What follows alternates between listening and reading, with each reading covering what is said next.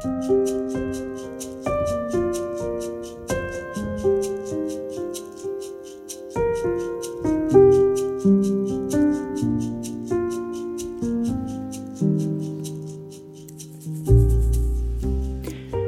du mor Teresa? Den lille, store kvinnen som ble født i Nord-Makedonia og døde i 1997, 87 år gammel. Vi forbinder henne mest med Calcutta i India, der hun arbeidet det meste av sitt voksne liv. Folk vil ha ulike meninger om sider ved den offisielle katolske læren, men mange vil nok være enige med meg i at mor Teresa hadde en spesiell posisjon i hele kristenheten, uavhengig av kirkesamfunn. Hun levde ut evangeliet både i ord og handlinger på en utrolig troverdig måte, ikke bare hos de mange fattige som hennes omsorgssøstre fikk gi et verdig liv i Calcutta. Hun ble invitert til å tale med og for mennesker av alle samfunnslag over hele verden, statsledere, næringsliv og vanlige folk, og hadde mange av profetens kjennetegn. Så ofte hun hadde mulighet, benyttet hun sjansen til uredd og tydelig å løfte fram sin kristne tro som kilde til alt hun gjorde, og hun var ikke redd for å holde fast ved en bibelsk etikk, også i kontroversielle spørsmål. Først etter hennes død ble offentligheten bedre kjent med hvordan hun i store deler av sitt voksne liv hadde strevd med et åndelig mørke. Da ble hennes brev til sin sjelesørger offentliggjort. Hør blant annet hva hun skrev i et av sine brev. Når jeg prøver å løfte mine tanker til himmelen, opplever jeg en slik enorm tomhet at tankene mine vender tilbake som skarpe kniver og skader meg på sjelen. Jeg får høre at Gud elsker meg, men mørket og kulden og tomheten er så stor at ingenting berører min sjel. Før kunne jeg tilbringe timer med Vår Herre, elske ham, snakke med ham. Likevel bryter lengselen etter Gud ut av mørket et sted langt nede på dypet av hjertet. Min sjel er som en isklump. Jeg har ingenting å si. Mor Teresa valgte å se det slik at hennes mørke var den åndelige siden av hennes arbeid en deltakelse i Jesu lidelser. Senere skrev hun, Jeg har blitt glad i mørket, for jeg tror det er en del, en veldig liten del av Jesu mørke og smerte på jorden. For henne lå altså noe av nøkkelen i det å identifisere seg med Jesu lidelse. Hun kjente nok godt til Paulus brev til filipperne, som egentlig handler mest om glede, men der skriver han, For Kristi skyld fikk dere den nåde ikke bare å tro på ham, men også å lide for ham. Kong David er et annet eksempel på en troshelt som levde nær Gud og samtidig var ydmyk nok til både å erkjenne sin synd og beskrive mørke perioder i livet da Gud opplevdes helt borte. I Salme 13 sier han, Hvor lenge, Herre, vil du glemme meg for alltid? Hvor lenge vil du skjule ansiktet for meg?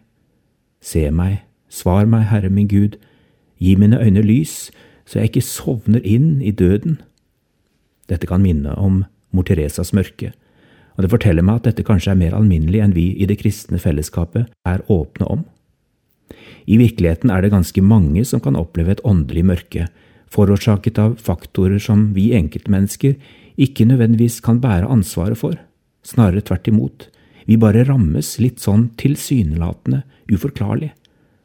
De færreste av oss kan identifisere oss med kong Davids og mor Teresas store bedrifter i livet, og heldigvis er det heller ikke alle som vil si at livskriser, sykdommer eller møter med veggen har ført dem inn i troskriser, der Gud opplevdes helt borte. Men det er likevel vanligere enn vi er klar over, kanskje. Det kan komme i kjølvannet av en skilsmisse, oppsigelse på jobben, utbrenthet, at en nær venn eller et familiemedlem dør, en kreftdiagnose, en desillusjonerende opplevelse i menighet, et svik, en knust drøm, et barn på ville veier, en bilulykke, vansker med å bli gravid, en dyp lengsel etter å gifte seg uten å finne den rette, eller at gleden i forholdet til Gud tørker ut. I mørket tviler vi ofte på oss selv, på Gud og på menighetsfellesskapet hvis vi tilhører det. Vi oppdager kanskje for første gang at troen vår ikke virker sånn som den har pleid. Plutselig er spørsmålene langt flere enn svarene. Det kan kjennes som at hele grunnlaget for troen vår står på spill.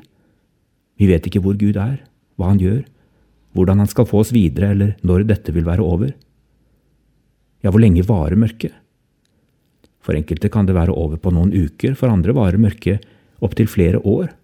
De aller fleste opplever at det lysner før eller siden. For meg var det en rar opplevelse å bare merke at mørket hadde sluppet taket. Jeg var på et nytt sted på reisen. Et annet sted enn der jeg var før mørket kom. Jeg forteller disse tingene nå ganske rett fram og veldig forenklet. Sannheten er at veiene både inn i og gjennom dette mørket er veldig forskjellige for den enkelte. Har det da noen hensikt å snakke om det som en del av det kristne livet? Mange kommer kanskje aldri til å støte på dette, og det er jo absolutt ikke slik at alle som opplever livssmerte, trenger å komme inn i troskriser eller oppleve at Gud er langt borte. Men for meg har det vært utrolig godt at noen har gått foran og alminneliggjort disse erfaringene, fortalt meg at om det er aldri så vondt, om jeg kjenner meg aldri så alene akkurat nå, så er det mange andre som har vært i et lignende landskap. Og så trenger vi å gi hverandre noen litt store rom å være i. Den som gjennomgår en troskrise, er sårbar. Jeg trengte ikke å få alle mulige gode råd og advarsler om hvor mye lenger bort jeg nå ville havne hvis jeg nå ikke snudde og fant tilbake til lyset eller gjorde de rette tingene. Men vi kan trenge at noen orker å gå sammen med oss, uten å gå helt opp i oss og våre problemer. Uten å romantisere noe som helst vil jeg si det ligger muligheter, også i slike perioder. Det kan være en tid for å utforske hvilke verdier livet vårt bygger på, om gudsbildet vi har egentlig samsvarer med Bibelens gudsbilde, hva som er vår identitet i Gud, og dermed også hva som dypest sett bærer og preger vår relasjon til ham.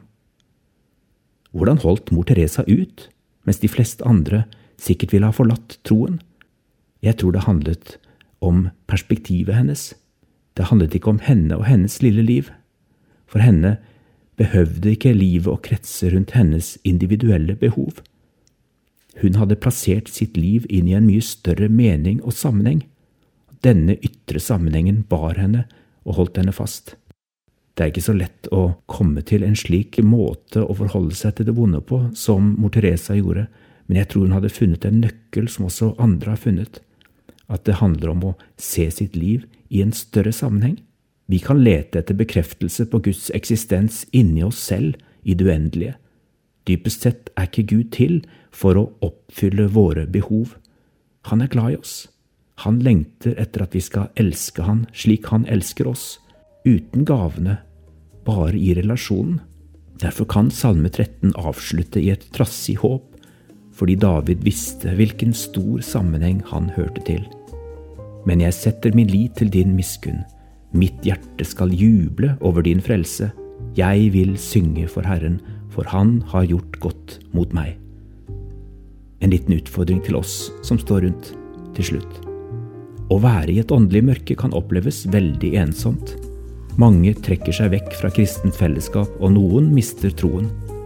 Hva kan vi som fellesskap gjøre for at det å oppleve et slikt åndelig mørke ikke trenger å bety at mennesker forlater troen eller menneskene de har trodd sammen med. Mm-hmm.